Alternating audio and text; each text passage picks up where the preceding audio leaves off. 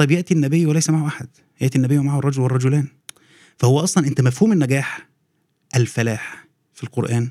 مفهوم تاني ممكن يكون مختلف بل هو مختلف عن المفهوم اللي ممكن أنت تكون نشأت عليه. مم. فالفكرة إنك لما تقرأ تكون عندك استعداد لأن تغير هذا المفهوم مش أنت داخل بالمفهوم جاهز. يعني أنا ممكن أقدم ليك حديك محاضرة عن فضل التدبر وأقول لك آيات وأحاديث في فضل تدبر القرآن. بس أنا ما قلتلكش هو إيه. فبعد كده أنت رحت وتظن أن التدبر إن أنت هتطلع. هتفتح المصحف وهتبتدي تكتب فوائد ولطائف وتبتدي تغرد بها على تويتر مثلا وتكتبها على الفيسبوك مم. وأن هذا هو تدبر القرآن كتير على فكرة من الحاجات اللي بتقال دي تدبر هذا تدبر في الآية ليس تفسيرا هو واقع هو بيتكلم في معنى الآية. وده مشاهد وبيتكلم في معنى الآية غلط. ثم. أنا ممكن أطلع فايدة مبنية على فهمي الغلط للآية. لا يتحقق للإنسان التدبر إلا بعد الفهم والتدبر. تقول ما أنا ما مسكتش التدبر لغاية دلوقتي. التدبر كل حاجة جاءت بعد الفهم مطلوبة. مطلوب من الإنسان إن هو يتأثر هذا من تدبره. مطلوب من الإنسان إن هو يعمل هذا من تدبره. مطلوب من الإنسان إن هو ينظر في حاله لما يسمع الآية ويفهم معناها هذا من تدبره. ومن أعظم الأشياء المهمة جدا في القلب الذلة لكلام الله سبحانه وتعالى. هذا مفتاح في الانتفاع بالقرآن وتلقي معاني القرآن. الاستعداد للتسليم التام بكل ما كده. الاستعداد إن هو يبص يقول أنا غلطان أنا كنت فاكر دي غلط. السلام عليكم. أنا هلال السيد وده فاهم بودكاست. اتكلمنا في حلقة سابقة عن حفظ القرآن ووضحنا أغلب الإشكالات المتعلقة بمسألة الحفظ والمراجعة والورد وغيرها. لكن السؤال اللي دايما بنسأله لنفسنا إيه أهمية الحفظ أو حتى التلاوة لو ما كنتش فاهم اللي بقراه أو بحفظه هل يكفيني إني أتدبر القرآن أثناء القراءة؟ وإيه هو التدبر أصلا وإزاي أقدر أحققه؟ وإيه الفرق بين التدبر والفهم والتفسير وهل فهمي لمعاني القرآن بيأثر على الأجر المترتب على القراءة؟ كل ده وأكتر هنعرف إجابته بإذن الله في الحلقة دي وهنختم بخطة عملية تقربنا من فهم القرآن الكريم. ضيفنا في الحلقة هو الشيخ محمد مصطفى عبد المجيد ماجستير التفسير وعلوم القرآن وحاليا في مرحلة الدكتوراه. باحث في الدراسات القرآنية وله اهتمام خاص بتدريس التفسير وعلومه. وله عدد من المشاركات والكتابات والشروح العلمية المنشورة على الإنترنت. ودلوقتي يلا بينا نبدأ الحلقة. فإذا كنا إحنا يعني بنقرأ القرآن وبنحفظه وطبعا معلوم إن يعني أجر كل حرف من القرآن بحسنة والحسنة بعشر أمثالها والله يضاعف لمن يشاء. فأنا بقرأ القرآن وباخد ال- اللي بحصل الأجر ده. لكن أحيانا بعض المعاني بتكون غايبة عني ودي يعني يعني أنا شخصيا بحس بيها بأزمة إن أنا هو المهم إن أنا أقرأ وخلاص ولا المهم إن أنا أقرأ وأكون فاهم آه، معاني القرآن. فأنا عايز أعرف منزلة فهم القرآن من ال- من العملية دي كلها من عملية التعبد بقراءة القرآن أو عملية ال- ال- التعبد بالقرآن بكل الصور يعني التفكر والتدبر وكده. فإيه أهمية فهم القرآن؟ طيب بص هو في سؤال إجابته آه، ممكن نقول إن الإجابة السؤال ده بتحل آه، مشاكل كتيرة وممكن تع... يعني تجاوب لنا على أسئلة كتيرة ومنها السؤال ده يعني كأني هجاوب على سؤالك بسؤال يعني. إحنا محتاجين يعني نسأل سؤال لماذا نزل القرآن أصلا؟ والسؤال ده ال- القرآن نفسه تكفل باجابته سواء كانت إجابات مباشرة في القرآن بذكر الغاية اللي من أجلها أنزل الله سبحانه وتعالى القرآن أو أحيانا بذكر بعض أوصاف القرآن اللي من خلالها نقدر نعرف ليه نزل القرآن.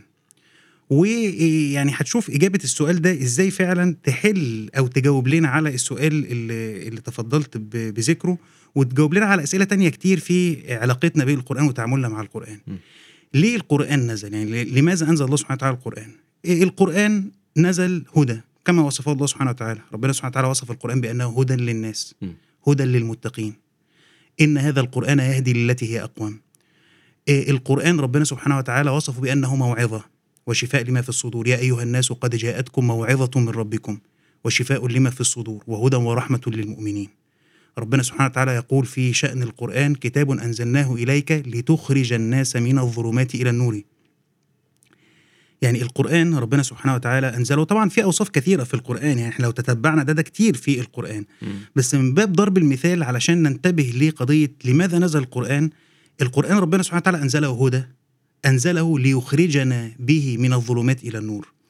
طيب أنا حتى أهتدي بالقرآن يعني حتى أخرج بالقرآن من الظلمات إلى النور حتى يكون القرآن لي موعظة.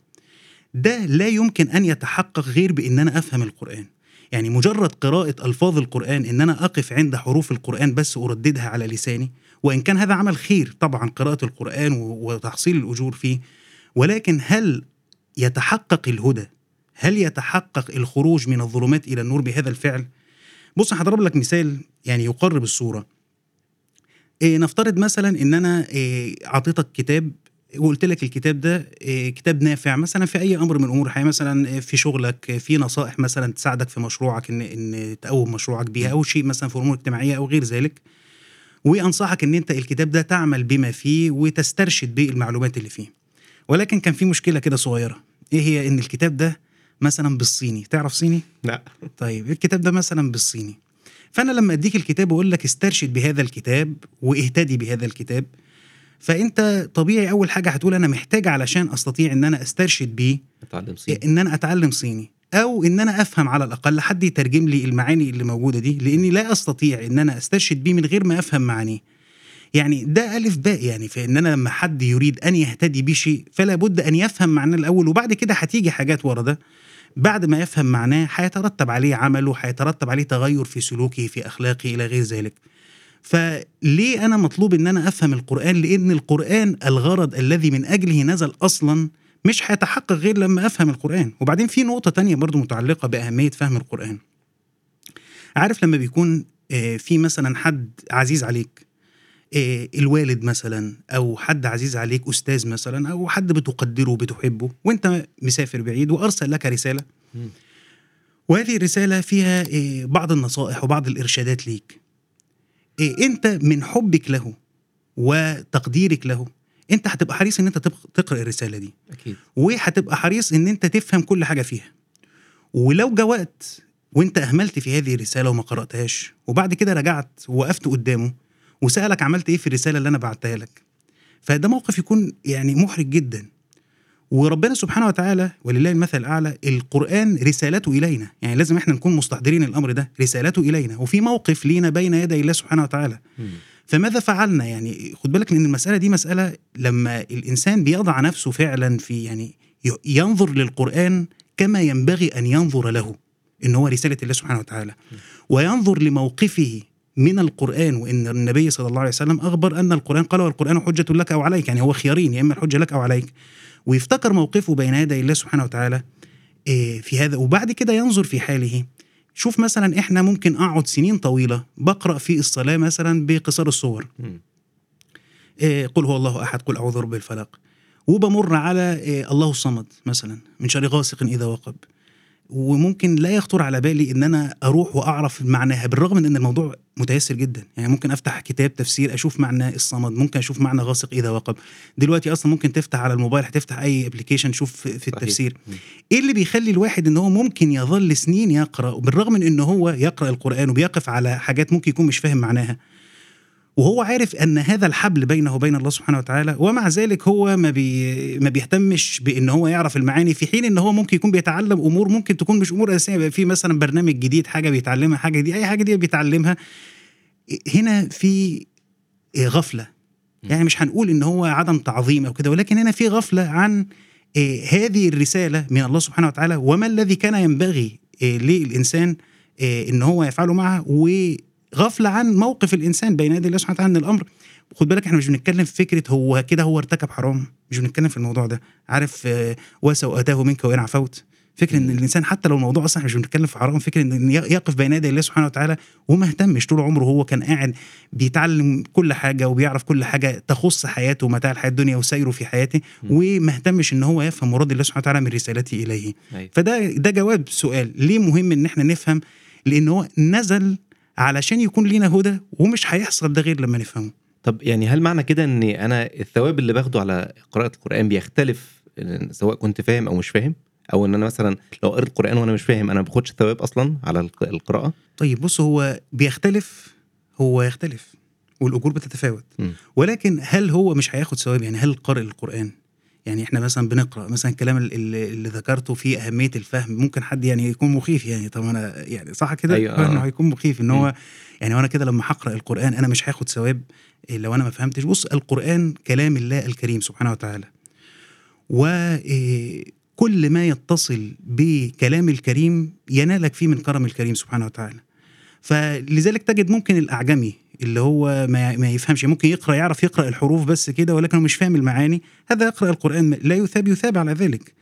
إيه إنسان يقرأ ولا يفهم المعاني حسن الظن في الكريم سبحانه وتعالى إن هو يثاب عليه. كل بص كل شيء بيتصل بالقرآن. كل شيء بيتصل هتسمع القرآن وأنت فاهم كل شيء يتصل بالقرآن. إيه، حسن الظن في الله سبحانه وتعالى بكرمه إن أن يثيب الإنسان على ذلك. ولكن يعني في أمور مهم إن إحنا ننتبه ليها هنا. اولا النقطة اللي أشرت ليها اللي هو موضوع تفاوت إن ممكن يحصل في تفاوت في الأجور في فرق في الأجور. أيوه في فرق في الأجور. يعني حتى مثلا حديث حديث آه، الحسنة بعشر أمثالها إلى 700 ضعف. مم. يعني مثلا عندك آه، ال- الحرف بحسنة والحسنة بعشر أمثالها إلى 700 ضعف. يعني دايما الناس بتقف عند ال- الحرف بحسنة آه، والحسنة بعشر أمثالها بيقف هنا ويجي يحسب حتى يجيبوا الصفحة ويقول لك فيها كام حرف. أيوه أيوه. هو مش منتبه إن في 700 ضعف. يعني إحنا بنتكلم في إن في ختمة ممكن تساوي 70 ختمة. مم. يعني أنت لما تيجي تحسبها ختمة تساوي 70 ختمة. هو الفرق في أمور كثيرة ممكن تكون نية الإنسان و و وخشوع الإنسان إلى غير ذلك ومن ذلك فهمه. يعني ومن ذلك فهم الإنسان لما يقرأه فهم الإنسان لما يسمعه من القرآن فده مؤثر أكيد في التفاوت في آه، الأجور. وبعدين في آه، أمر آخر يتعلق بالأجور يعني خلينا نبص الموضوع بزاوية مختلفة شوية. شفت لما قلت لك سؤال نرد عليه بسؤال دي برضه نفس الموضوع. طيب هو, هو ليه أصلا في أجور على قراءة القرآن؟ يعني ممكن نسأل السؤال ده هو أصلا ليه في أجور على قراءة القرآن؟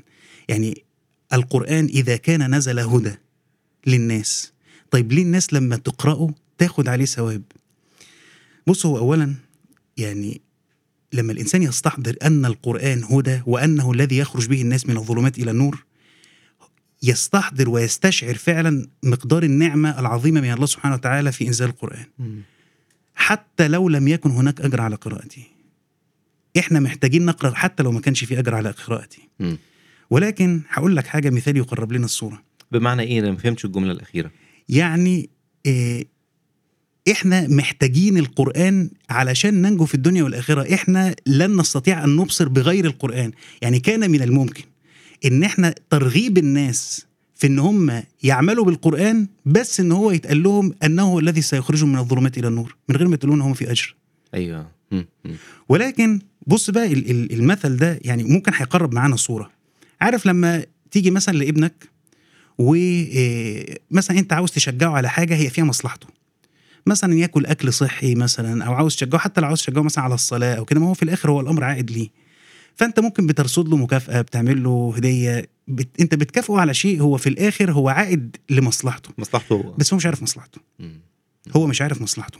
أو ممكن يكون فاق كده شوية لكن ممكن بيغفل بيحصل له كسل فالموضوع ده أنت بتقومه بهذه المكافأة. ليه؟ لأن أنت بترحمه لأن أنت بتحبه. مم. فربنا سبحانه وتعالى من رحمته بنا أن رتبت الأجور على كل ما يتعلق بالقرآن. بص نقول قراءة القرآن كل ما يتعلق بالقرآن في فضل. يعني قراءة القرآن سماع القرآن مجلس القرآن المجلس يتدارسون كتاب الله؟ مم. ها؟ أيوة. يتلون كتاب الله ويتدارسونه بينهم؟ المجلس. أهل القرآن يبقى ليهم مكانة. الورقة بص الورقة دي ورقة وبعدين حبر اتكتب فيها. لو كتبت الورقة بقى لها أحكام خاصة بيها. وبعدين تكتب المصحف كله يبقى فيه أحكام خاصة بيه. سبحان الله. أي حاجة تقترب من القرآن تنال من هذا الفضل. شرف. آه هذا الشرف بقى إحنا عاوزين نركز في وضعه في موضعه. في موضعه المتعلق به ليه نزل القرآن أصلا؟ أنه نزل هدى للناس. هذا الشرف وهذا الفضل علشان أنت لما تيجي تقرأ القرآن وتقبل على القرآن تأخذ من هذا النور. فربنا سبحانه وتعالى يرغبنا. والنبي صلى الله عليه وسلم في أحاديث كثيرة يرغبنا في حفظ القرآن وفي تعلم القرآن فلما نقبل مش علشان نقف بس على قراءة الحروف. ولكن إذا أقبلت طمعا في هذا الأجر فاهتديت بهذا النور. لذلك اللي هيقف عند الحروف تلاقي إن في حتى كلام كثير وارد عن السلف في ذم اللي بيقرأ القرآن ويقف عند الحروف من غير ما يعمل بيها. مثلا تجد في, من في معاني كثيرة في آثار كثيرة في هذا المعنى ولكن منها كلام الحسن البصري رحمه الله هو بيذكر أن الله سبحانه وتعالى أنزل القرآن ليعمل به فاتخذ الناس تلاوته عملا. يعني إيه الكلام ده؟ تركوا العمل وقرأوا بس أو اتخذوا التلاوة هي دي العمل. بالظبط كده. إنه. خلى العمل المتعلق بالقرآن هو التلاوة فقط. بالرغم من أنه نزل ليعمل به. هل معنى كده إن أنا متلوش؟ لا.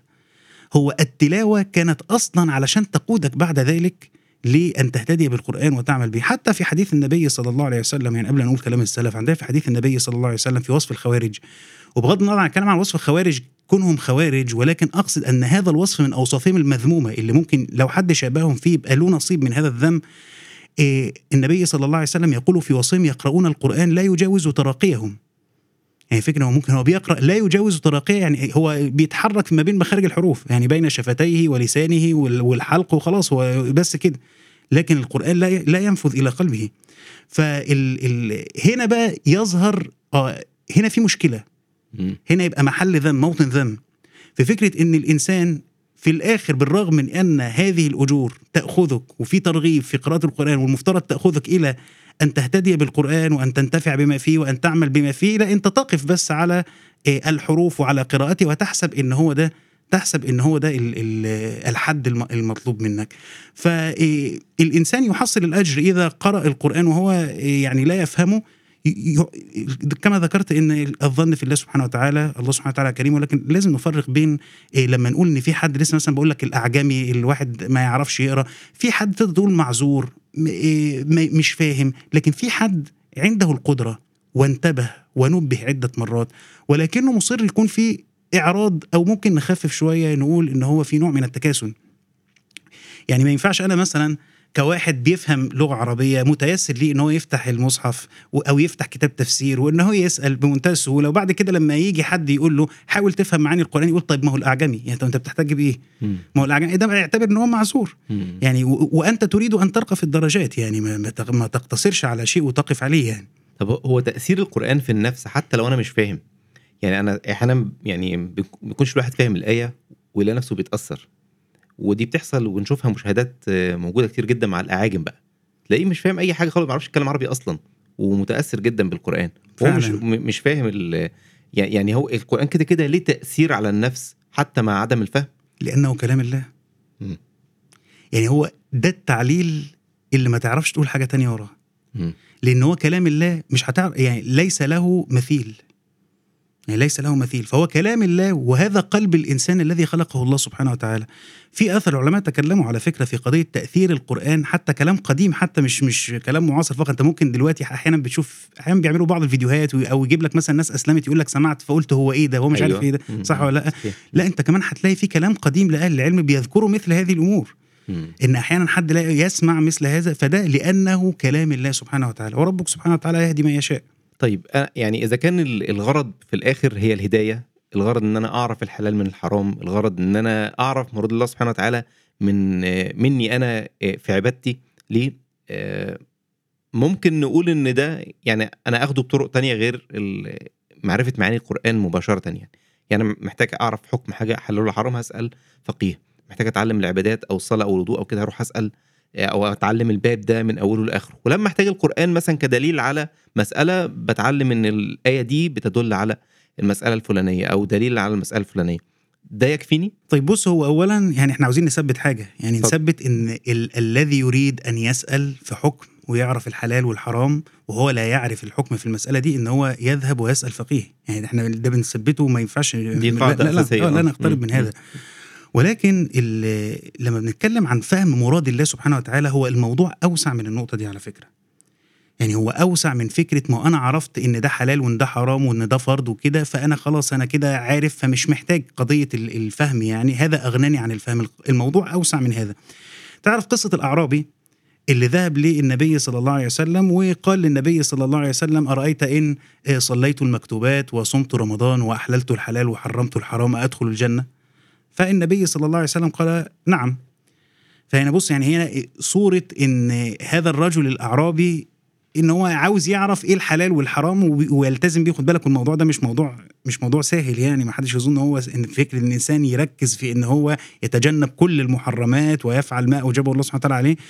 ولكن هذا سؤال أعرابي هذا سؤال أعرابي بيقول. أنا عاوز أعمل كده هدخل الجنة ولا لا؟ فالنبي صلى الله عليه وسلم قال له نعم. صلى الله عليه وسلم. بس هو الأعرابي في الآخر يعني هو مش أبو بكر وعمر. مم. يعني ننتبه لده إن هنا مم. في مراتب. أيوه. فابو بكر سيدنا أبو بكر سيدنا عمر مش كده. وهذا العربي رضي الله عنه وأرضاه. بس هقول لك هي مراتب برضه. يعني أبو بكر وعمر رضي الله عنهما إيه السابقين من الصحابة كبار الصحابة. لا هنا في أمر مختلف في التعامل مع مراد الله سبحانه وتعالى. والإنسان المفترض إن الإنسان أصلا في أمور الآخرة يعني همته بتكون عالية يعني. فهو ما يجيش الإنسان في أمور الدنيا و... ويرضى بإيه؟ يعني في أمور الدنيا لا يرضى بال... بالقليل. يعني دايما أيوة. ينظر فوق. وبعد كده يجي في أمور الاخره يقول إيه؟ لا خليني كده آه، زي الأعرابي. ويا ريت يعني ربنا إحنا عاوزين كلنا ندخل الجنة يعني. فالمقصد اللي عاوز أشير ليه هنا إن هي الفكرة مش بس لما بنتكلم على معرفة مراد الله سبحانه وتعالى مش بس إن أنا أعرف ده حلال وحرام فقط.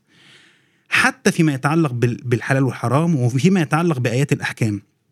إحنا لما بنبص على آيات الأحكام في القرآن الكريم إيه بنلاقي إن الآيات الأحكام مش بتقول لك ده يجوز وده محرم فقط. زي مثلا بنبص في كتاب الفقه أو زي لما بتستفتي حد فبيقول لك يجوز يصح أو لا يصح وزي ما بتقول إن هو ممكن يذكر لك مثلا دليل من القرآن أو السنة ونحو ذلك.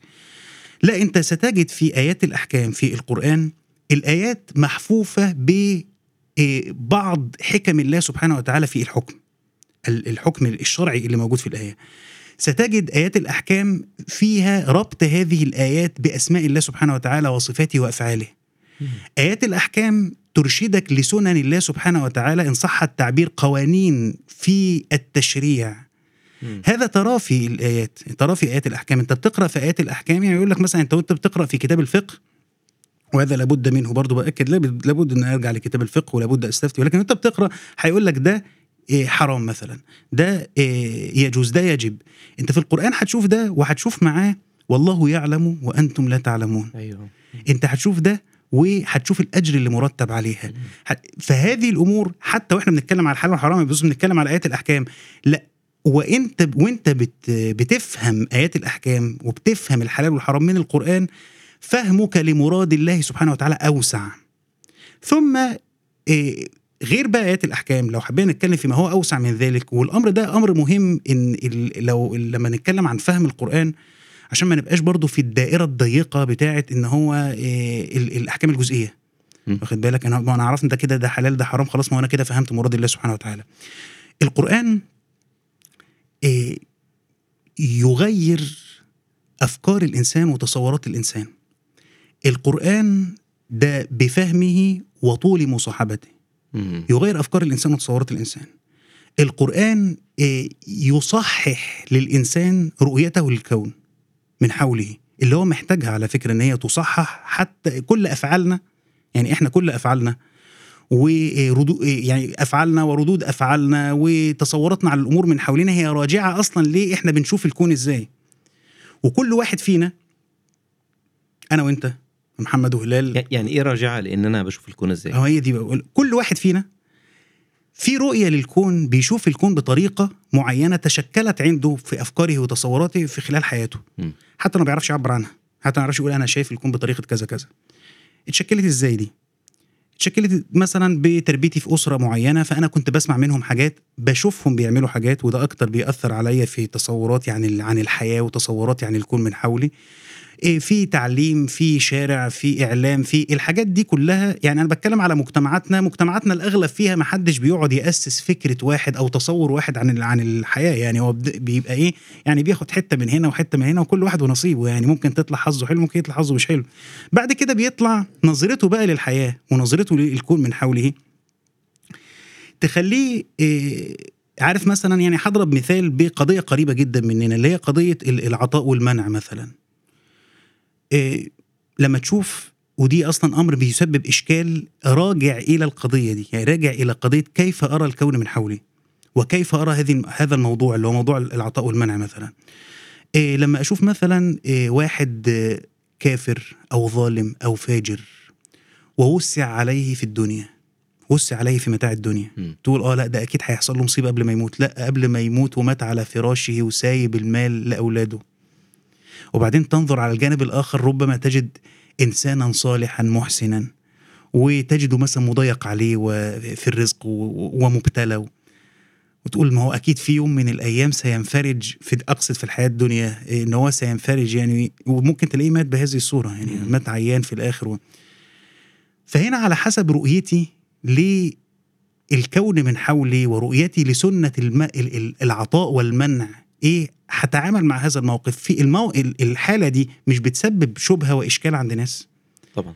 يقول لك طيب ما هو ده ما هو ده مسيء وده كده طيب لأنه ربط المنع والعطاء برضا الله سبحانه وتعالى المنع والعطاء في متاع الدنيا هو ربطه برضا الله سبحانه وتعالى عن العبد. فهو يرى المنع والعطاء بهذه الصورة.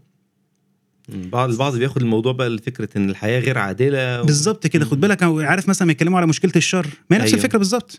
نفس الفكرة يقول لك طب ما دول أطفال صغيرين ومثلا بص الحروب اللي بتحصل أو الأمراض اللي أصابتهم والآلام اللي أصابتهم. مم. فهو يبتدي اللي هو إيه ده؟ لأن هو عنده يعني أشياء افتراضية من رؤيته لما حوله في نفسه بعد كده بيحاكم ليه الحاجات اللي حواليه بيبتدي يحس زي ما بتذكر إن هو ممكن يقع في شبهات أصلا تصل بيه زي ما إحنا عارفين إن هو بيصل إيه ممكن يصل للالحاد أو أو يصيبه شيء من التشكك أو نحو ذلك. طيب ببساطة شديدة جدا هو القرآن في هذا الموضوع اللي ضربته كمثال وأنا أذكره كمثال فقط وإلا فهو الموضوع ده ممكن أصلا يعني يشامل لكل ما كل ما حولنا يعني. القرآن في هذه القضية كان صريح جدا في مواطن كثيرة في القرآن أن المنع والعطاء ما بيتعلقش بالأمر ده. فأما الإنسان إذا ما ابتلاه ربه فأكرمه ونعمه فيقول ربي أكرمن. وأما إذا ما ابتلاه فقدر عليه رزقه فيقول ربي أهانا كلا ليس الأمر كذلك. شوف بقى هذه آية في جزء عامة وممكن أكون بقرأ الآية في جزء عام على طول. وبعد كده أنا ممكن فعلا أقول آه، ممكن حد يقع في نفسه مثل ذلك وهو يقرأ القانون أصلا قدامه صحيح. كيف ترى بقى ال ال كيف ترى الحياة حجمها قد إيه؟ الحياة الدنيا حجمها قد إيه؟ كيف ترى الابتلاء؟ كيف ترى كما ذكرت المنع والعطاء؟ كيف ترى كل شيء من حولك؟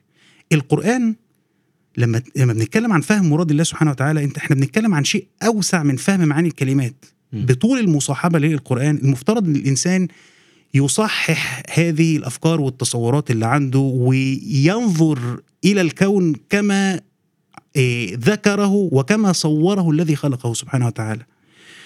وعلشان كده إيه، يعني بيبقى مهم لل- لل- للذي يريد أن ينتفع بالقرآن في ذلك وان يتغير به.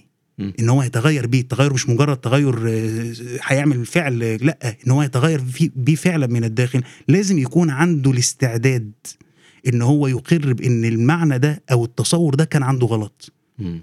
اللي هو زي ما بيقولوا يرد القرآن مورد الظمآن يعني إيه مورد الظمآن روح للقرآن وأنت عطشان وأنت مم. محتاج ما تروحش وأنت شبعان وبعدين عندك تصوراتك وأفكارك وبعد كده تبتدي تريد أن تستدل عليها دي. مشكلة بقى بتأتي معانا في موضوع تدبر القرآن أو. على الأقل هتجادل يعني آه يجي مثلا إيه، الصورة بتاعتها مثلا في كده يجي هو عنده تصور معين عن النجاح في الحياة ما دي دي متعلقة عنده. تصور معين عن النجاح في الحياة. وخطوات النجاح يعني كيف ننجح في سبع خطوات للنجاح في الحياة. عارف انت حاجات بتاعت التنميه أيوه التنمية ال- البشرية آه لطيفة. آه ف ودي أمور حسنة ما فيش أي مشكلة. أنا بتكلم بس على فكرة متعلقة بالقرآن يعني. فهو بيبتدي ينظر في القرآن يبحث عن عوامل النجاح في الحياة وبيدور عليها مثلا في قصة من قصص الأنبياء. في سورة من السور بيفتح قصه سورة يوسف مثلا. وبيحاول يدور على عوامل النجاح في الحياة. فكرة إن هو شايف النجاح أصلا في الحياة يعني هو له رؤية في النجاح في الحياة ممكن تكون مش هي مش هو ده النجاح أصلا في القرآن. يعني مين اللي قال لك إن النجاح في الحياة؟ هو النجاح الذي تراه. أو النجاح الذي تظنه أو اللي أنت نشأت عليه. يعني محتاج تسائل نفسك في تصورك للنجاح أصلا. يعني بص إحنا مثلا لما بيكون في داعية بيدعو إلى الله سبحانه وتعالى وبعدين ما حدش استجاب له. إحنا بالنسبة لنا فشل. بالنسبة لنا فشل يقول لك فين, فين النتائج؟ يعني. يعني. فين النتائج؟ النتائج لازم تبقى بتقاس صح ولا لا؟ مش صحيح. كانوا يقول لازم النتائج تقاس. طيب يأتي النبي وليس معه أحد. يأتي النبي ومعه الرجل والرجلان. فهو أصلا أنت مفهوم النجاح الفلاح في القرآن. مفهوم تاني ممكن يكون مختلف بل هو مختلف عن المفهوم اللي ممكن أنت تكون نشأت عليه. مم. فالفكرة إنك لما تقرأ تكون عندك استعداد لأن تغير هذا المفهوم مش أنت داخل بالمفهوم جاهز. مم. عايز و- تستدل عليه. وعاوز تستدل عليه. ودي عقبة تعوق الإنسان ويظن أنه إيه، ينتفع بالقرآن وهو في لا شك ان هو إن شاء الله يعني قربه من القرآن ولكن ليس هذا هو الانتفاع المقصود في إن الإنسان يغير إيه، أفكاره وتصوراته المشكلة دي يعني بيقع فيها يعني بعض ال ال ال ال الأفاضل المهتمين مثلا بجوانب زي جوانب ال- ال- التنمية الذاتية والجوانب التربوية وكده إن هو ممكن يكون في شيء بيعتبر وكأنه هو المقرر كأن رؤية القرآن للأسرة كده. رؤية القرآن لل- للنجاح كده. رؤية القرآن ويبتدي يبحث عنها. الأمر ممكن يكون محتاج إن إحنا نفك أصلا الرؤية دي أصلا يعني من أين أتيت بها. كل ده يعني كل ده طبعا وأنا بحاول أضرب أمثلة وإلا فالأمر يشمل كل شيء في الحياة. مم. وعلى فكرة ممكن يرد يعني ممكن سؤال يرد على إزاي تقول هو فين أصلا الرؤية؟ إحنا مش إحنا مش حاسين إن إحنا محتاجين رؤية للكون الأمثلة اللي حضرتك ضربتها كلها يعني لا يعني أنا الفترة اللي فاتت بس ده كلها كانت مثاره قدامي على ال- الفيسبوك بصراحة شفتها يعني مساله النجاح. تعريفك للنجاح إيه؟ مسألة آه، آه، الشر ويعني مشكلة الشر ومشكلة آه، هل الحياة عادلة ومش عادلة وفرص وليه أنا أبقى ملتزم وماشي مظبوط وتمام التمام والدنيا مقفلة معايا. كل دي تساؤلات إحنا بنشوفها كل يوم أصلا. يعني دي حاجات ولو إحنا ما عندناش الإيمان الراسخ بال... بال... بإن في آخرة وإن في يعني يعني ال- المقاييس مش مقاييس دنيوية بحتة بالشكل ده فأظن ما حدش هيقدر يصبر أصلا على ال... والكلام ده إحنا جايبينه من القرآن أيوه وب- وبعدين بقى بص خد بالك النقطة دي بص ذكرت مشكلة يعني مم. ممكن حد يحس بيها بس هو ممكن يبقى مش واخد باله إن هي راجعة لإن هو شايف الحاجة غلط مم. لذلك أنت هتلاقي مثلا النبي صلى الله عليه وسلم لما يمر على ال على. ال على الجدي الأسك الميت. ويشير للصحابة ومن يشتري هذا بدرهم فأنت أحيانا هو التصور نفسه بيبقى محتاج نفسه يضبط يعني تقول هو أنا ليه كذا لا أقف تعالى شوف الدنيا أصلا هي عاملة إزاي. تستاهل إيه يعني أنت أصلا أنت محتاج نرجع نبص تاني. ممكن حد ممكن أكون الدنيا عظمت في عيني حتى على فكرة لو بلسان الدين. مم. آه، ممكن أقول والعمران والعمران في الأرض أقصد بالعمران في الأرض المصانع والمباني ومش عارف إيه وبعد كده عظمت الدنيا وحتى إن كانت داخلة من باب الدين وبعد كده يبتدي يحصل عندي التناقضات دي. فالفكرة ان إن الواحد يقول محتاج يرجع خطوة لورا إنه فعلا هل ممكن يكون أنا تصوري للأمور محتاج إن هو يصحح؟ القرآن وفهم مراد الله سبحانه وتعالى اللي بنقصده الدايرة الواسعة بتاعته توصل بينا لكده المفترض. مم. وده اللي بنتكلم عليه في موضوع إن الإنسان يتغير فعلا من الداخل بالقرآن. ما يبقاش تغير ظاهري أو إن هو بيعرف آه، يقول كلام حلو عن القرآن مثلا أو كده. لا إن هو فعلا يتغير من الداخل. والتغير من الداخل ده لا شك إن هو هيكون له أثر عليه في آه، معاملاته وفي عبادته وفي غير ذلك. طيب يعني المفروض إن أنا أنا بتعامل مع القرآن عايز أفهمه. آه، أنا واقف مثلا في الصلاة بسمع القارئ بحاول أتفكر في معاني القرآن وأستخرج معاني من اللي أنا بسمعه. أو أنا فاتح المصحف آه، وقاعد أقرأ فقاعد أحاول أتدبر وأحاول أفهم. ده المقصود ولا المقصود إن أنا يعني أفتح بقى وأدرس تفسير وأتعلم يعني آخد الطريق من أوله لكل مسلم؟ امم طيب بص هو هو المطلوب مش عارف كده هبقى جاوبتك ولا لأ. المطلوب نفهم المعاني. نفهم معنى كلام الله سبحانه وتعالى مراد الله سبحانه وتعالى. تمام كده ما جاوبتش قوي طب ما بنعمل إيه؟ صح ولا لأ؟ بص أحيانا بيبقى فيه آه، بعض العبارات آه، يعني ممكن نوصفها بإن هي ضبابية شوية. بتخلي الإجابة كل حد هيفهم الإجابة آه، بشكل. يعني عارف مثلا أقول لك يعني أفتح القرآن وأتدبره مثلا أو هقف في الصلاة وهتفكر في اللي بيقوله وأحاول أطلع معاني. شايف ال- اللي بتذكره ده؟ أنا لو قلت أيوه لو قلت نعم هذا هو المقصود أو لا. إيه كل واحد في ذهنه التدبر إن هو يتدبر القرآن أو إن هو يطلع معاني شكل مختلف عن التاني. مم. كل واحد يقصد بيه حاجة. فممكن مثلا المفروض تفتحه وتتدبر. في واحد هيقول خلاص يبقى أنا هفتحه وهبتدي أنزل الآيات على واقعي. مثلا. أو إن أنا هفتحه وهبتدي أستخرج الفوائد هقرا قصص القرآن مثلا من أشهر الحاجات قصص القرآن وأبتدي أطلع الفوائد إن هو فهم إن أنا أفتح القرآن وأتدبره كده. أو مثلا وأنا في الصلاة إن أنا بحاول أتفكر وأطلع معاني إن هو بيطلع حاجات زيادة يعني بيطلع فوائد زيادة على ال... فلذلك بقول لك أحيانا بتبقى في عبارات ودي ده ده مش عشان حوارنا. ده بصفة عامة إن أحيانا بيكون في عبارات ضبابية شوية كل واحد بياخد الكلام يسمعه ويسقطه على شيء وبعدين هو لا لا يجد الثمرة اللي التي وعد بها يعني تقول له طب ما أنت يقول لك طب أنا مش عارف أعمل حاجة مثلا يعني. بص هو غالبا الناس لما بتتكلم على آه، سواء يعني اللي بيتكلموا في هذا الباب أو عموم الناس المحبين للقرآن لما بيتكلموا على موضوع استخراج المعاني أو تدبر القرآن بيقصدوا حاجات زيادة بعد معنى القرآن. مم. يعني إيه بيقصدوا حاجات زيادة بعد معنى القرآن؟ اللي هو النقطة اللي أنا بقول لك عليها. يجي مثلا يقول آه طب هنا الآيات دي بتتكلم عن كذا فننزل الآيات دي على واقعنا. هو بيتكلم يعني في معنى للآيات وبعد كده بننزل الآيات دي على واقعنا. أو مثلا الآيات دي بتتكلم على الكفار. طيب والصفات دي لازم إحنا ما نتصفش بيها فبيبتدي بي- بينظر فيها في ال- المسلم مثلا إذا اتصف بها أنا عايز مثال عشان حاسس الكلام هنا شائك شوية. طيب آه خلينا مثال في آه مثلا في الكفار مثلا اللي أنا بذكره دلوقتي ايات في الكفار. عندك في القرآن طبعا معروف في القرآن كثير جدا الكلام على التحذير من الكفر والنهي عنه ووعيد الكفار بالعذاب في الآخرة. تقرأ الآيات فستجد تجد في أن أوصاف الكفار المذكورة في أوصاف منها أوصاف هي الكفر لا تتجزأ يعني. مم. وفي أوصاف قد يتصف بها بعض المسلمين غلط يعني يتصف بها يعني مثلا إيه؟ كلا بل تكرمون اليتيم ولا تحضون على طعام المسكين. مم. فأنت مثلا تجد في أوصاف الكفار بيذكر كده. إيه الآيات دي أصلا في الكفار. أحيانا اللي أنا بتكلم بقى عليه مثلا في ال- اللي هو المعنى الذي أول حاجة بتخطر على بال الواحد ده هو بينتقل لما بعد اللي في الآيات إن هو بيروح بيبتدي ينظر لهذه الأوصاف فيقول ينبغي ألا نفعل كذا وكذا إن المسلم ينبغي ألا يفعل. ده مطلوب جدا. هو ده هذا من تدبر القرآن المطلوب. إيه أو مثلا في قصص القرآن بيقرأ في قصص القرآن بيبتدي ينزلها على واقعه. مم. شوف مثلا قصة سيدنا موسى بينزل على واقعه فرعون بينزل على واقعه وهكذا. إيه ده مطلوب ولكن أنا عاوز أرجع خطوة ورا. دايما في مرحلة بي- بيتم القفز عليه يعني أنا أفتح المصحف وأتدبره. هنا في حتة راحت في النص خلي بالك.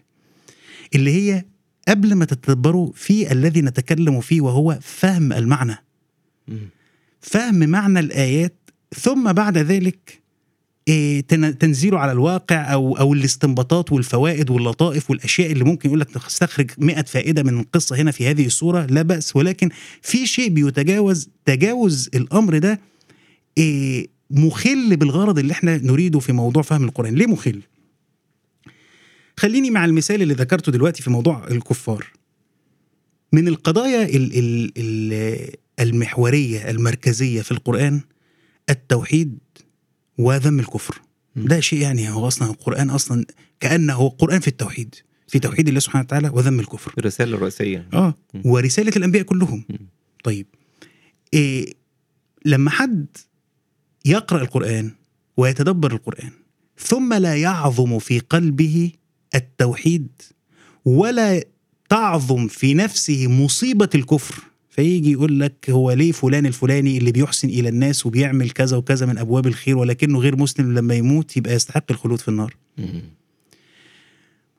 هو هنا المشكلة في إن هو مش عارف مصيبة الكفر قد إيه وشايف إن انه اخترع المصباح الكهربائي ولا مش عارف شايف إن الموضوع ده وإن هو بيحسن إلى الناس بغض النظر يعني إن هو شايف إن ده كأنه يؤهله لإن هو يدخل الجنة. إيه هو كنت بتقرأ إيه في القرآن؟ أحيانا بتجده إن هو بيتدبر هذه الآيات ولكن لا يقف على المعنى نفسه الأولاني اللي هو الكفر وتقبيحه. يعني قبل ما ننتقل ال- القارئ قبل ما ينتقل للتدبر أو ما يسميه التدبر واستنباط الفوائد والتنزيل على الواقع قف مع المراد الأول أصلا مع الآية. تجاوز الأمر ده تجاوز الأمر ده بيفقدنا كثير جدا. عارف زي إيه تاني؟ يعني مثلا أمثلة ممكن اخد مثال بعيد يعني بصورة مختلفة. إيه لما ننظر في الآيات ال- ال- التي يرد فيها ذكر بعض الآيات الكونية.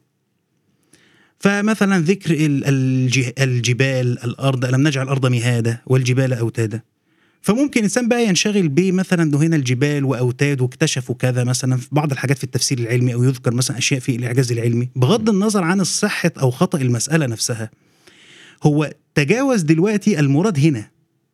هذه الآيات لما ذكرت أول ما ذكرت مثلا الآيات اللي ذكرتها الآن في سورة النبأ. أول ما ذكرت كانت في الاحتجاج على الكفار في قضية البعث. إيه علاقة الأرض مهاده والجبال اوتادا بقضيه البعث بعد الموت؟ يعني قبل ما تسرع أن تخرج عن المراد أصلا اللي, اللي أول ما نزلت له الآية قبل ما تسرع تخرج منه وتقول وهنا وبص والذبابه اكتشفوا فيها كذا والجبل فيه مش عارف إيه والأمطار والجبال والنباتات وخروج النباتات وتقعد تتكلم في هذا الأمر. وهذا لا بأس به. طبعا القرآن يدعونا إلى التفكر في خلق الله سبحانه وتعالى. لا بأس به. ولكن في مرحلة بتتجاوز اللي هي مرحلة الوقوف على المعنى. وقف عنده شوية محتاجين نقف عند هذا المعنى الأساسي نفسه. وهذا المعنى إيه القضية فيه مش مش مجرد قضية معرفة المعنى بس يعني معرفة المعنى دي الخطوة الأولى.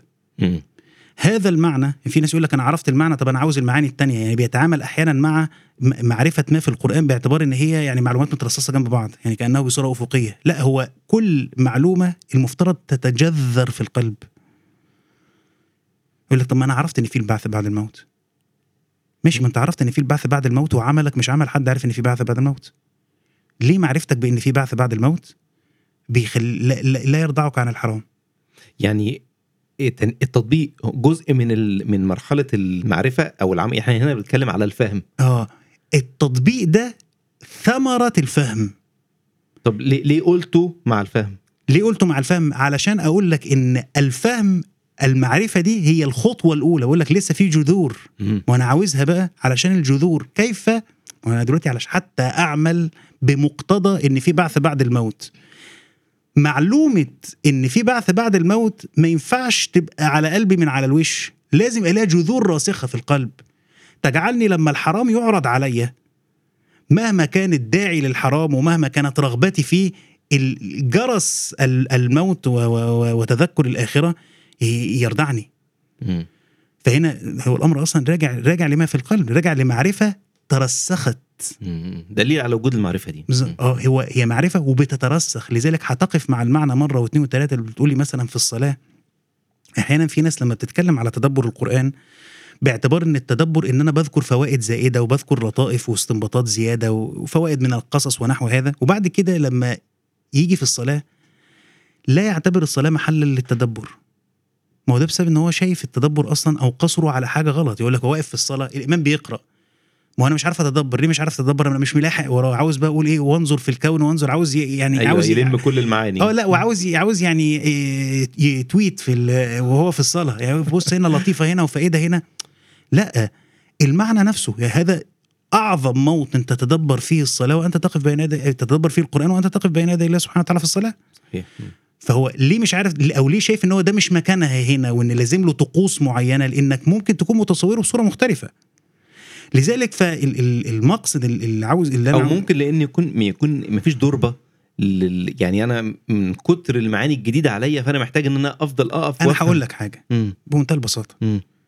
كل نفس ذائقة الموت وإنما توفون أجوركم يوم القيامة فمن زحزح عن النار وأدخل الجنة فقد فاز وما الحياة الدنيا إلا متاع الغرور أنت كواحد تعرف مبادئ اللغة العربية إذا سمعت هذه الآيات وأحضرت قلبك فيها المعنى الإجمالي وقع في نفسك؟ الإجمالي آه. المعنى الإجمالي. م. طيب هذه الآية تحرك فيك شيء ولا لا؟ تحرك طبعا. هذه الآية لو الإنسان عاش بها تتغير حياته.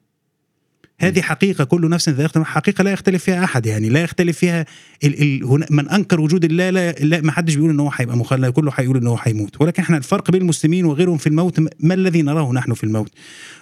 وإنما توفون أجوركم يوم القيامة يفكرك بيوم القيامة. وبعد كده ال- الفلاح الحقيقي فمن زحزح عن النار وأدخل الجنة فقد فاز. وما الحياة الدنيا إلا متاع الغرور. المقصد هنا إن لما نتكلم عن تدبر هذه الآية تدبر هذه الآية لا يلزم في تدبر هذه الآية اللي هو المعنى الذي يخطر على البال إن هو أطلع فوائد زيادة. أكتب واحد اتنين تلاتة أربعة. أتكلم مثلا عن بعض اللطائف البلاغية فيها إن ليه زحزح مثلا مبنية للمجهول زحزح عن النار لم يقل من الذي زحزحه مثلا أو نحو هذا نحو ذلك من الأمور. كل ده ده معانا ماشي في التدبر. ولكن اللي أنا أقصده وعاوز نركز عليه أننا نحتاج إن إحنا نقف على المراد معنى كلام الله سبحانه وتعالى من القرآن قبل ما ننتقل للمرحلة اللي بعديها. قبل ما ننتقل لمرحلة إذا ما الفوائد ما إسقاط هذا على الحم... إن إحنا نقف مع هذا والوقوف مع هذا ليس أمرا هينا. ده مش أمر هين. الإنسان يحتاج إن هو يقف معاه مرة والتانية والتالتة خد بالك لما تقف في الصلاة وتسمعها مرة واثنين وثلاثة مش هتقول طب ما هو المرة التانية طب ما هو أنا عارفها. آه نحن نحتاج لهذا إن هو. إن هو يرسخ فيه إن هو يرسخ فيه النفس. ثم بعد ذلك ممكن بقى يكون في أمور أخرى. عشان كده السؤال يقول لك السؤال بتاع إيه؟ أفتح المصحف وأتدبر؟ إيه قصدك إيه؟ قصدك إيه بأفتح المصحف وأتدبر؟ إيه عشان كل هو كلمة أحيانا بتكون فيها ضبابيه شوية. هو المقصود إن إحنا لما نفتح المصحف يكون عندنا حرص على فهم معنى كلام الله سبحانه وتعالى. طيب هو ال- يعني هستعين بذلك مثلا؟ بحسب طبعا كل واحد يستعين في ذلك مثلا بكتاب تفسير أو نحو ذلك ويكون حريص على المعنى نفسه. يعني حريص على المعنى نفسه ثم في بقى مرحلة بعد ذلك اللي هي مرحلة الاستنباطات أو ما يطلق عليه بالتدبر أو نحو ذلك. طيب حضرتك ذكرت هنا برضو إن يعني ممكن كل واحد يشوف الطريقة المناسبة اللي يفتح كتاب تفسير يسأل حد أو يسمع وكده. برضه هيرد اعتراض إن القرآن بلسان عربي مبين والقرآن كلام الله سبحانه وتعالى ال- يعني الواضح البين السهل ولقد يسرنا القرآن للذكر. ف مش المفروض ليه مش المفروض إن أنا أفهم المعنى بنفسي؟ ما هو الكلام ده مخاطب ال... هي اللغة العربية أنا راجل عربي ودي لغة عربية. والرسالة واضحة وبفهمها. طيب آه هو انت رجل عربي؟ عجبني. عامة يعني إحنا آه مش قصدي. آه يعني إحنا يعني كلنا آه والقضية خد بالك يعني هو اولا طبعا فكرة آه ال- يعني ضعفنا في في العربية ومش فكرة ضعف في العربية فقط. في أشياء كانت تلتبس على الصحابة وبيسألوا النبي صلى الله عليه وسلم فيها ولا لأ؟ صحيح. في كده. يعني هو قضية قضية لغة عربية قضية أحيانا في أشياء بتكون مجملة يسألوا فيها النبي صلى الله عليه وسلم. في حاجات أحيانا بيكون لها مناسبات في النزول مثلا في أسباب نزولها. ممكن آية أنا الآية مثلا أفهم معناها وتكون هذه الآية منسوخة يعني الحكم حكم هذه الآية رفع. وده موجود في القرآن أن يكون في نسخ ما ننسخ من آية أو ننسها نأتي بخير منها ومثلها. إيه، وهذا لا يتعارض مع تيسير القرآن.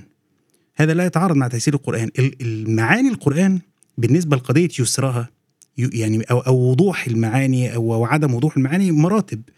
يعني ممكن نتكلم على الكلمة وممكن نتكلم على التركيب نفسه. يعني الكلمات نفسها في كلمات في غاية الوضوح لا تحتاج إن هي تفسر. يعني يقول لك الشمس والقمر. يعني يقول لك فسر لي الشمس. ما تعرفش تفسر الشمس بشيء.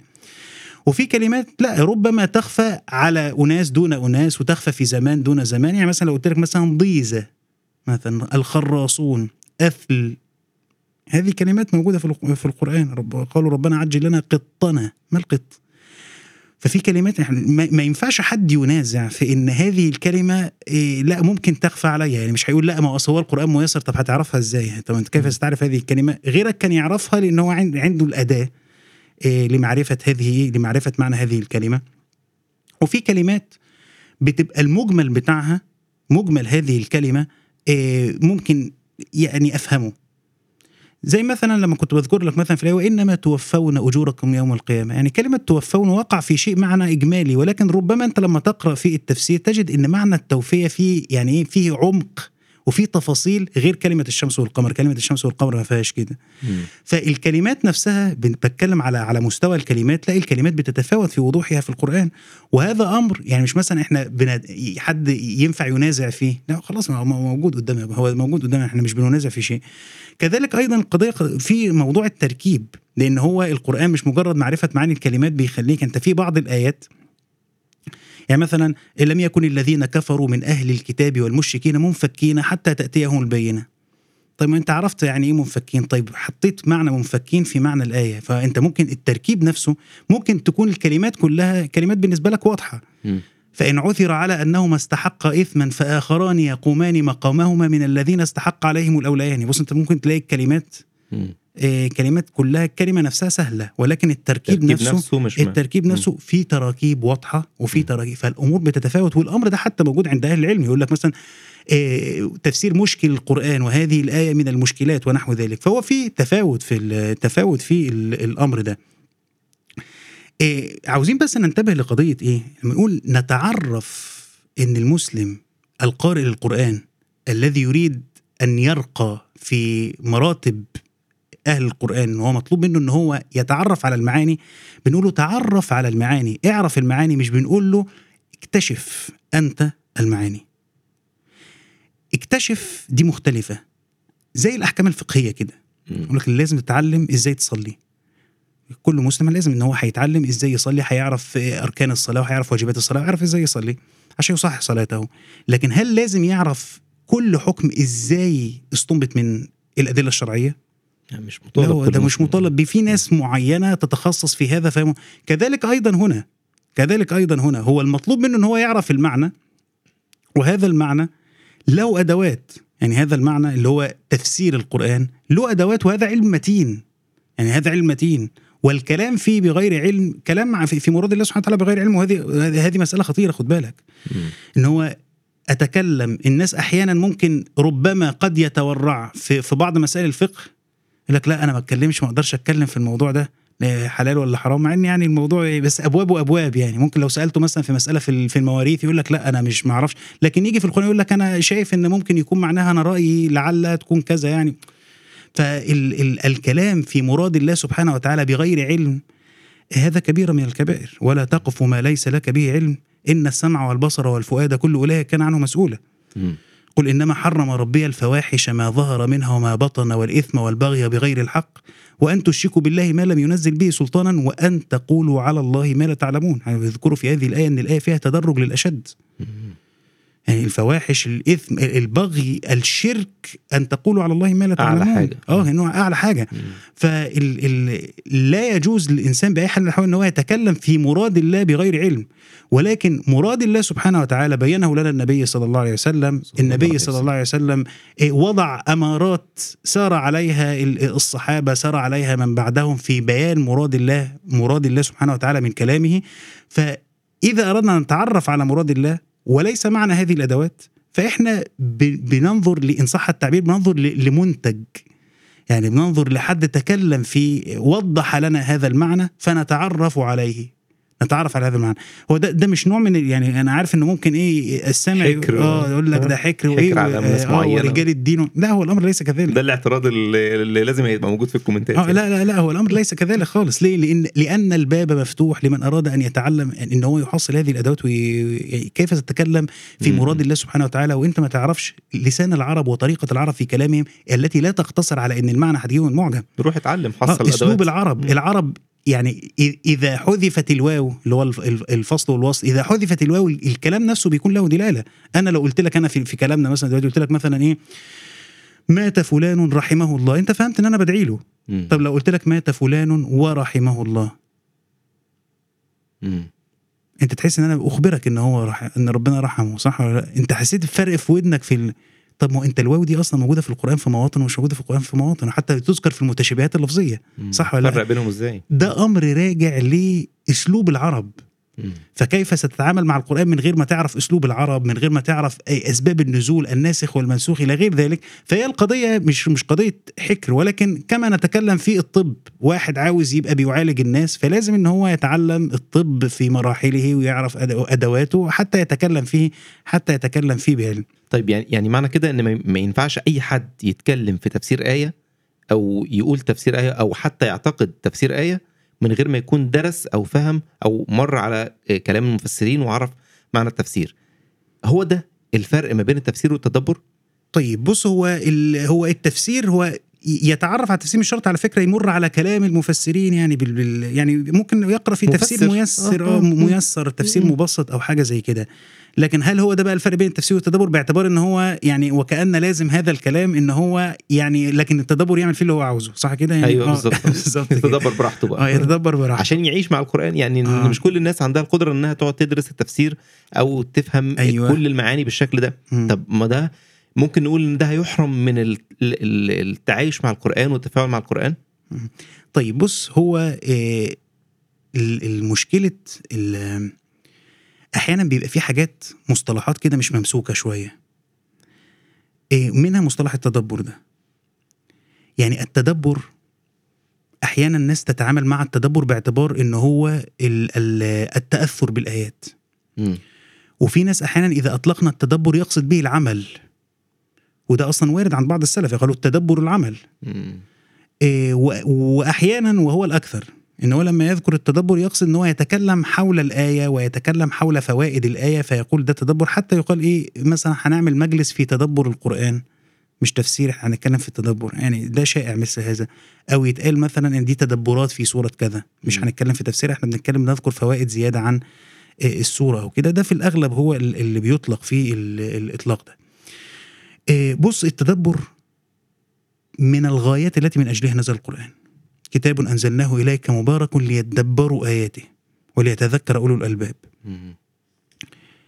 ولكن التدبر ده اللي في القرآن ما ينفعش حد يقول إنه أن المقصود به إنكم تطلعوا فوائد وجمعنا كام فائدة على كذا هو التدبر أوسع ده داخل فيه بس هو أوسع من كده الخطاب ب أو أو الأمر بالتدبر كان موجها للكفار أفلا يتدبرون القرآن أم على قلوب اغفلها. يعني ده في خطاب للكفار وفي خطاب للمنافقين بتدبر القرآن. أكيد مش المقصود إن هم يجلسوا في مجلس فنطلع فوائد زيادة ولطائف حول الآيات. مم. فهو المشكلة إن ال- التدبر نعم كل مسلم مطلوب منه إن هو يتدبر بل القرآن خطب به غير المسلمين. وجعلت وربنا سبحانه وتعالى جعل القسمة إيه، أفلا يتدبرون القرآن أم على قلوب أقفالها؟ يعني يا هتتدبر يا هيبقى على قلبك فيه إقفال. مم.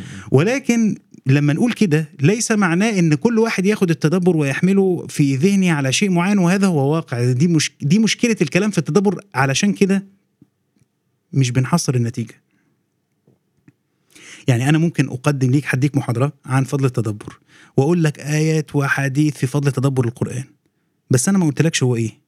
فبعد كده أنت رحت وتظن أن التدبر إن أنت هتطلع. هتفتح المصحف وهتبتدي تكتب فوائد ولطائف وتبتدي تغرد بها على تويتر مثلا وتكتبها على الفيسبوك مم. وأن هذا هو تدبر القرآن مم. فهو أنا لي هذه الفضائل مش ده ليست على هذا الفعل فهو مشكلة هو الم- المصطلح ده كل حد يعني ممكن يكون بيظن فيه شيء أو بيحمله على شيء هو على فكرة هو مش مصطلح يعني لو هو مش مصطلح شرعي هو المعنى لغوي يعني هو المعنى اللغوي لكلمة التدبر هو مستخدم في القرآن على معنى اللغوي النظر في في عواقب الأمور وفي أدبار الأمور مم. مطلوب من كل إنسان إن هو يتدبر من تدبره من تدبره إن هو ينظر في حاله ويسائل نفسه. وكما ذكر بعض بعض أهل العلم قالوا يجعل يجعل القرآن كالمرآة. يعني ينظر فيها في نفسه. عارف أنت بتبص في المرايه فبتشوف نفسك أنت مسرح شعرك مش مسرح شعر ده من التدبر. يعني مش لازم التدبر نكون بنقول حاجة زيادة فوائد زيادة. يعني الله سبحانه وتعالى يقول إيه، مثلا إيه، إن الله يحب المتوكلين. كون إن الإنسان يفكر في نفسه يقول هل أنا من المتوكلين؟ كيف اكون من المتوكلين؟ إن الله يحب المتقين. هتقول طب ما هو فين الفوائد إزاي فين التدبر هنا لا ما هو ده التدبر هي الفكرة مم. في كده بقى فكرة تضييق التدبر على شكل معين هو ده التدبر اللي مطلوب من كل مسلم مم. التدبر مطلوب منه إن هو يقول سمعنا وأطعنا وإن هو يعمل مم. إيه طيب بالنسبة بقى للذكر الفوائد أو ذكر الاستنباطات أو أو يعني اللي هو اللي هو النقطة الثانية بقى اللي هو أنا مش هنفسر مش هفسر القرآن ولكن إيه إن أنا هذكر مثل هذا في من هذه ال- الفوائد اللي أو أو الاستنباطات أو كده اللي مبنية على علم برضه. يعني هي مبنية على علم. في مثلا حد مثلا بيذكر مثلا بعض الفوائد تتعلق ليه الكلمة دي قبل الكلمة دي؟ ليه هنا محذوف كذا وهنا ليه في توكيد؟ ما دي لغة عربية. يعني كيف ستتكلم في الفرق بين الأساليب من غير ما تكون عارف؟ إيه، من غير ما تكون عارف أصلا دلالة هذه الأساليب في كلام العرب ال- الذين نزل القرآن بلسانهم. ممكن مثال؟ قول الله سبحانه وتعالى إيه، في أول الصفات بعد القسم ان الهكم لواحد. مم. وبعد كده ده في سورة الصفات. في سورة النحل يقول الله سبحانه وتعالى إلهكم إله واحد. سورة الصفات فيها إن واللام. مم. وسورة النحل بدون مؤكدات إلهكم إله واحد. والأصل في الخطاب هنا دي سور مكية الاثنين سور مكية وإن الكلام للكفار المنكرين وحدانية الله سبحانه وتعالى.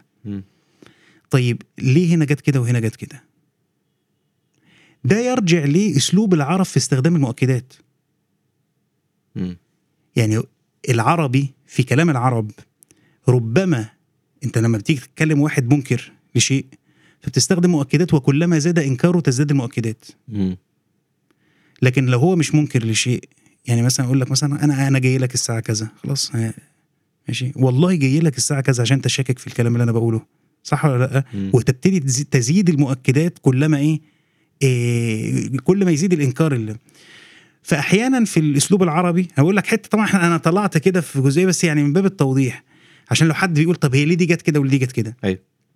أحيانا في الأسلوب العربي إيه يخاطب الشخص المنكر وكأنه مش منكر.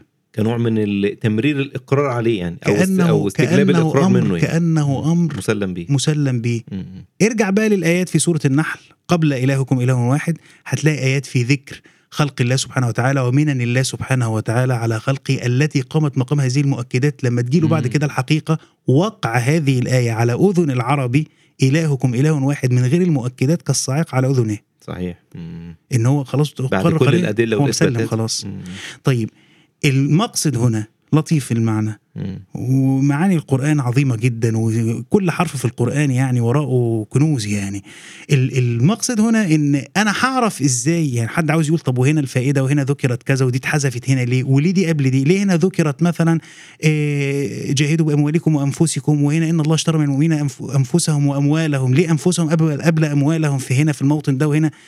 هنا هذا يرجع بالأساس ليه هو العرب في كلامهم بيستخدموا ده إزاي. ففي استنباطات راجعة لهذا الأمر. في استنباطات راجعة للقياس. يعني مثلا أحيانا بيقيس على حد. مثلا يقرأ الآية. فيقيس نفسه على النبي صلى الله عليه وسلم في الآية. يعني مثلا إحنا في آيات خطاب للنبي صلى الله عليه وسلم ولأمته. يا أيها النبي اتق الله ولا تطع الكافرين والمنافقين. طيب في حد مثلا بيقرأ بعض الآيات ويظن ان ان, إن أنه مثلا يقرأ ما ودعك ربك وما قلى. ودعك أي تركك وقال يعني أبغض. يعني ما ودع ما تركك الله وما أبغضك. ها؟ ما ودعك ربك وما قلى. وللآخرة خير لك من الأولى. ولسوف يعطيك ربك فترضى. فيجي إنسان يحملها على نفسه مشهورة جدا حتى يقول لك ما ودعك واحد زعلان تقول له ما ودعك ربك وما قلى.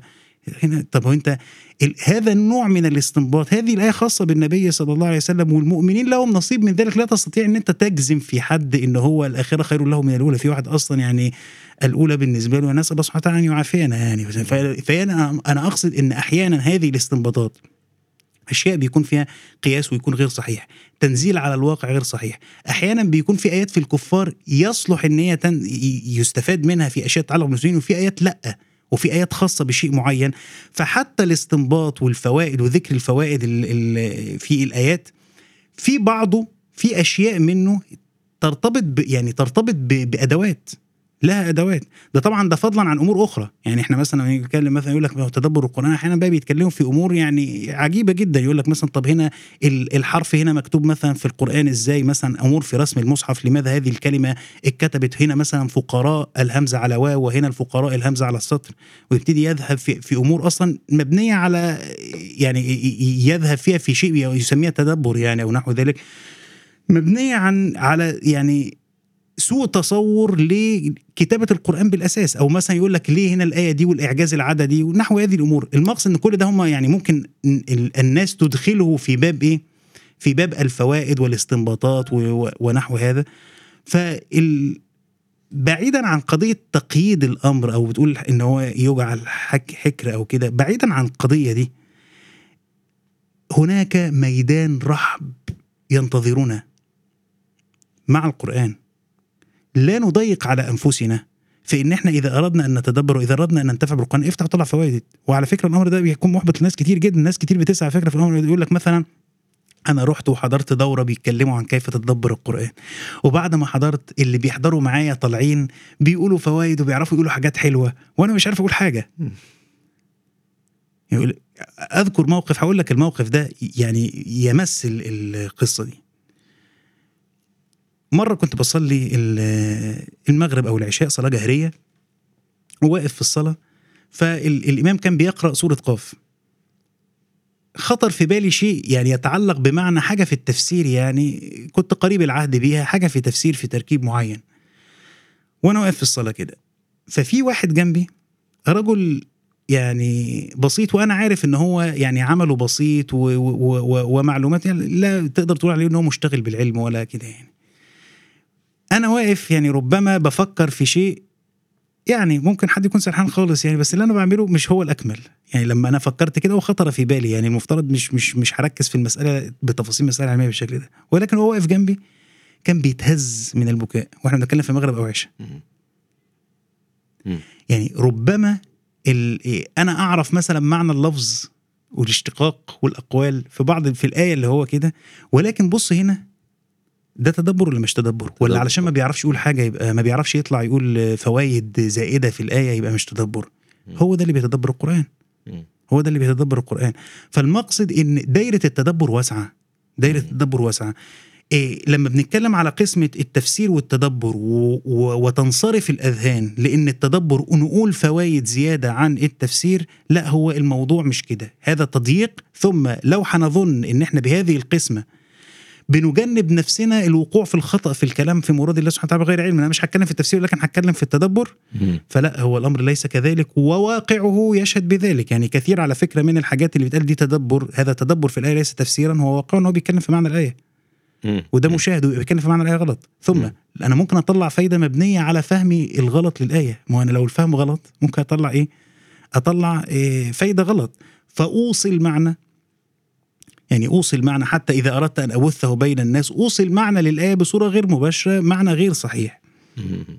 يعني اذا التدبر محاولة التفكر في معنى الآية ولكن يعني هي خطوة تالية للفهم. أحسنت. بالظبط كده؟ لا يتحقق للإنسان التدبر إلا بعد الفهم.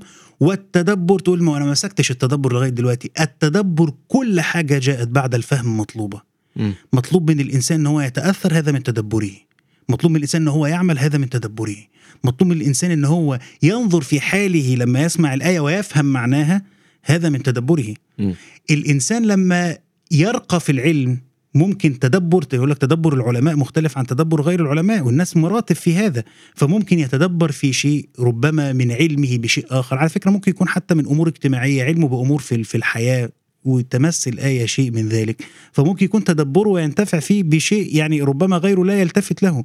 كل ده داخل في تدبري هو مش مطلوب منه هو مطلوب منه إن هو يتدبر القرآن فيما لا يجاوز به فيما لا يجاوز به الكلام في آه، يعني فيما لا يحسن أو آه، أن يقفو ما ليس له به علم. ومعرفة المعنى اللي هو التفسير هو مش مطلوب منه إن هو ينشئه مش مطلوب منه إن هو يقول أنا هقول التفسير من عندي ولكن مطلوب منه إن هو يعرفه. يطلع عليه. آه بالظبط كده. مطلوب منه إن هو يطلع عليه ويعرفه. وعلى فكرة الاطلاع عليه ده سواء بالقراءة في كتاب تفسير يكون مبسط أو مش شرط مبسط كل واحد بحسب معر- معرفته وطريقة قراءته وغير ذلك. وممكن من خلال الاستماع يعني ممكن حد مثلا إن هو يسمع. بس بص هي الفكرة في إيه؟ أنا مش عاوز أتكلم في أدوات. أنا عاوز أتكلم على ال ال الرغبة الداخلية إن هي تبقى موجودة.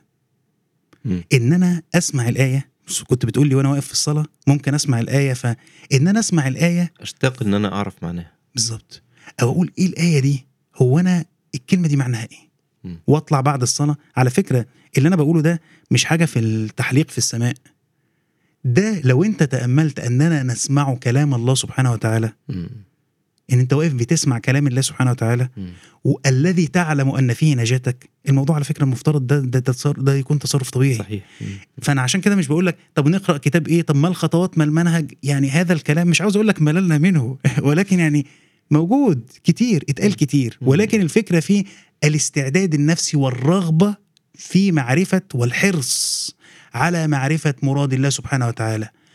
دون الانشغال بالضجيج من حولك. يعني ما تبقاش انت مشغول بكده علشان وهقول وأقول فوائد والناس ويعجبها ويحصل وي... لا دعك من هذا الضجيج. فعلا في ضجيج يشغل الناس و... و... والدليل على إن هو ضجيج أنك لا ترى له اثرا. خد بالك ان ان إن في دوشة كتير جدا كلام عن التدبر بس الاثر الأثر المفترض بيبان في تغير الناس. ربنا سبحانه وتعالى يقول وإذا ما أنزلت سورة فمنهم من يقول أيكم زادته هذه ايمانا؟ فأما الذين آمنوا فزادتهم ايمانا هم آه، يستبشرون. انت واخد بالك ان سورة. بس إحنا هتحفظ القرآن كله. ويقول لك ويقرأ الكتاب في التفسير. هذه السورة بيتغير فزادتهم إيمانا. يعني انت ممكن تشوفه النهارده إيه انت اتغيرت ما هو زادتهم إيمانا إيمان قول وعمل. انت اتغيرت فهو كان من المتوقع إن إحنا لما نتكلم كتير عن التدبر وإن الناس تكون حريصة في الكلام عن القرآن إن يحصل نوع من التغير في أخلاق في الأخلاق في السلوكيات في التصورات. المجتمع بتاعنا مشاكله المشاكل الاجتماعية اللي موجودة والمشاكل بين الناس والجرأة على الحرام والحاجات دي. المفترض الذي يحرص على إن هو يتدبر القران يكون بيحصل تغير ما. لما ده ما بيحصلش بالرغم من إن أنا بسمع دروس وبالرغم إن أنا بقعد في حلقات التدبر وبالرغم إن أنا مشارك في برنامج مش عارف إيه وبالرغم إن أنا حضرت دورة عن التدبر أعرف إن في مشكلة هنا. يعني أعرف إن في مشكلة محتاجة إن هي إيه؟ محتاجة إن هي تصوب يعني. والقرآن بركته عظيمة. يعني هو ما فيش حد هيقرب ويريد فعلا هذا بقلب صادق ومش هينال شيء. إنما الأعمال بالنيات وإنما لكل امرئ ما نوى. يعني أنت لك ما نويت. اقصد هذا وربنا سبحانه وتعالى كريم.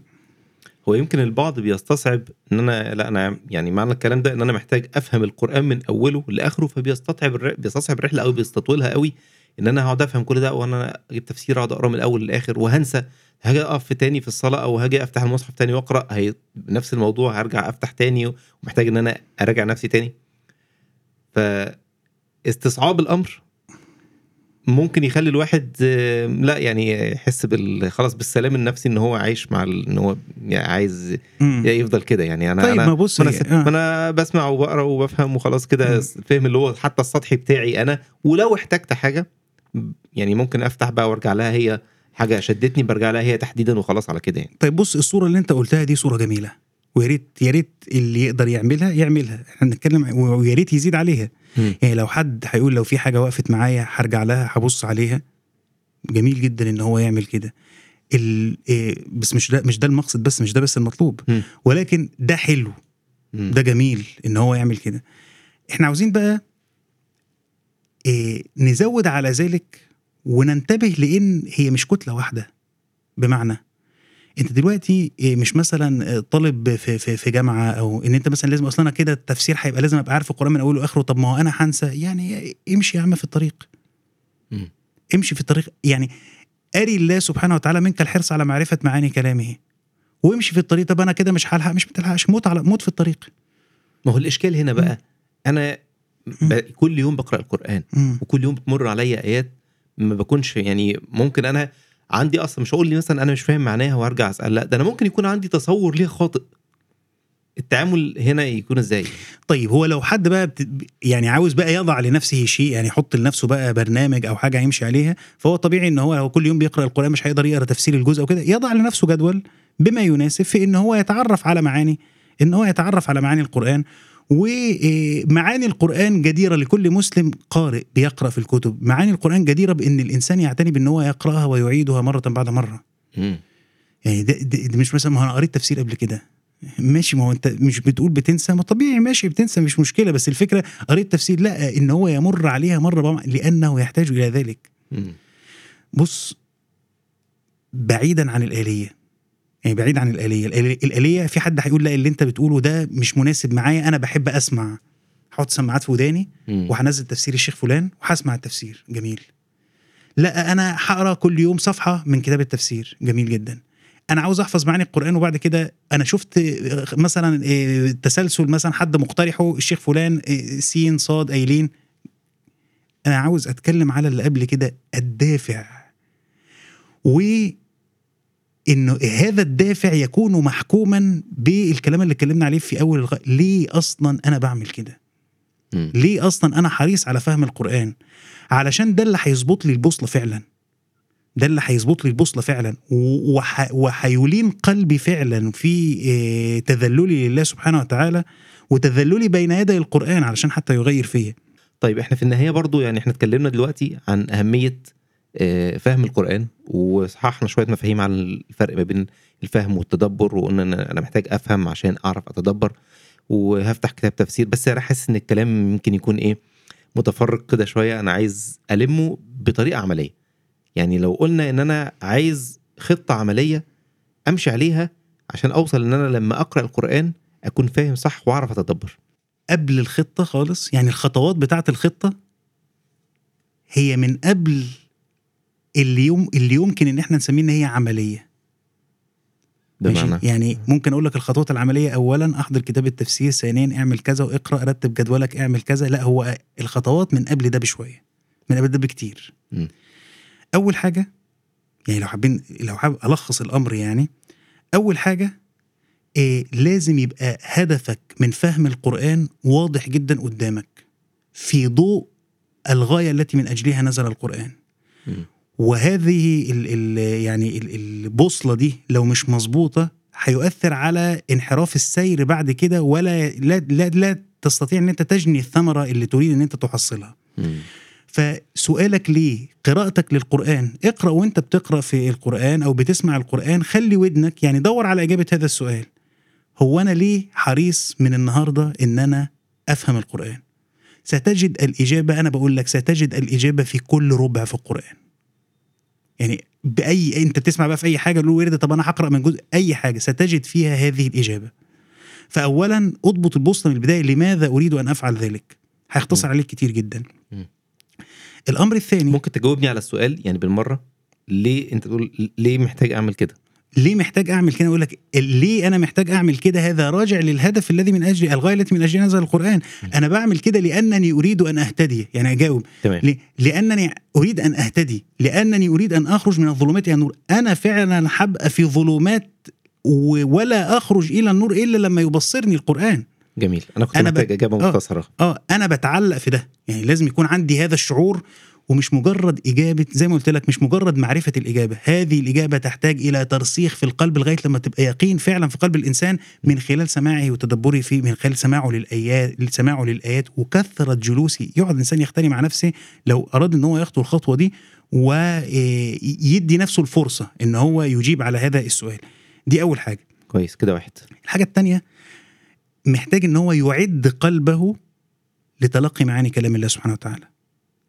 وهذه الخطوة يعني يقع أحيانا غفلة كبيرة عنها غفلة كبيرة عنها في الكلام عن التدبر والانتفاع بالقرآن. لأن إحنا ممكن نذكر يعني خطوات و... وآليات كثيرة جدا ولكنها تلاقي قلبا غير مؤهل للاستقبال. القلب إيه، أمراضه مؤثرة في في الانتفاع بالقرآن. والقرآن شفت كنت بتكلمني على تأثير القرآن وإن في كفار بيسمعوا في كذا وفي كذا لسه كنت بذكر لك ال- المنافقين بيقولوا أيكم زادته هذه إيمانا. وربنا سبحانه وتعالى يقول إيه، وأما الذين كفروا فزادتهم رجسا إلى رجسهم. فهو تهيئة القلب إن الإنسان يهيئ قلبه ويهيئ قلبه ل- لأنه سيتلقى آه، معاني كلام الله سبحانه وتعالى ومن أعظم الأشياء المهمة جدا في القلب الذلة لكلام الله سبحانه وتعالى.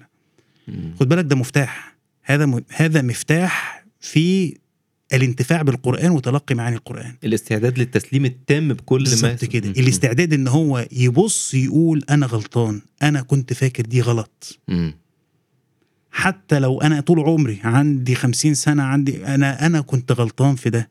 ولا يتجاوز ولا يبرر لنفسه. خد بالك إحنا ممكن إحنا مع بعض الناس مع بعض تبرر. يعني يقول لك لا ما أنت ما تعرفش ظروفي إيه ما أصل أنا ما أعرفش. هنا أنت تقرأ كلام الله سبحانه وتعالى واللي بيدور في نفسك وأنت بتقرأه ربنا مطلع عليه. ما تبقاش داخل بنفسية إن أنت داخل أصلا تختبر القرآن أو أنت داخل تجرب ال... بالظبط. كده أو تنتقي ال ال ما يوافق هواك أو ما تجد فيه نوع من من اللذة اللحظية مم. يقول لك يجد مثلا قشعريه البدن مش خلاص كده حاسه كده.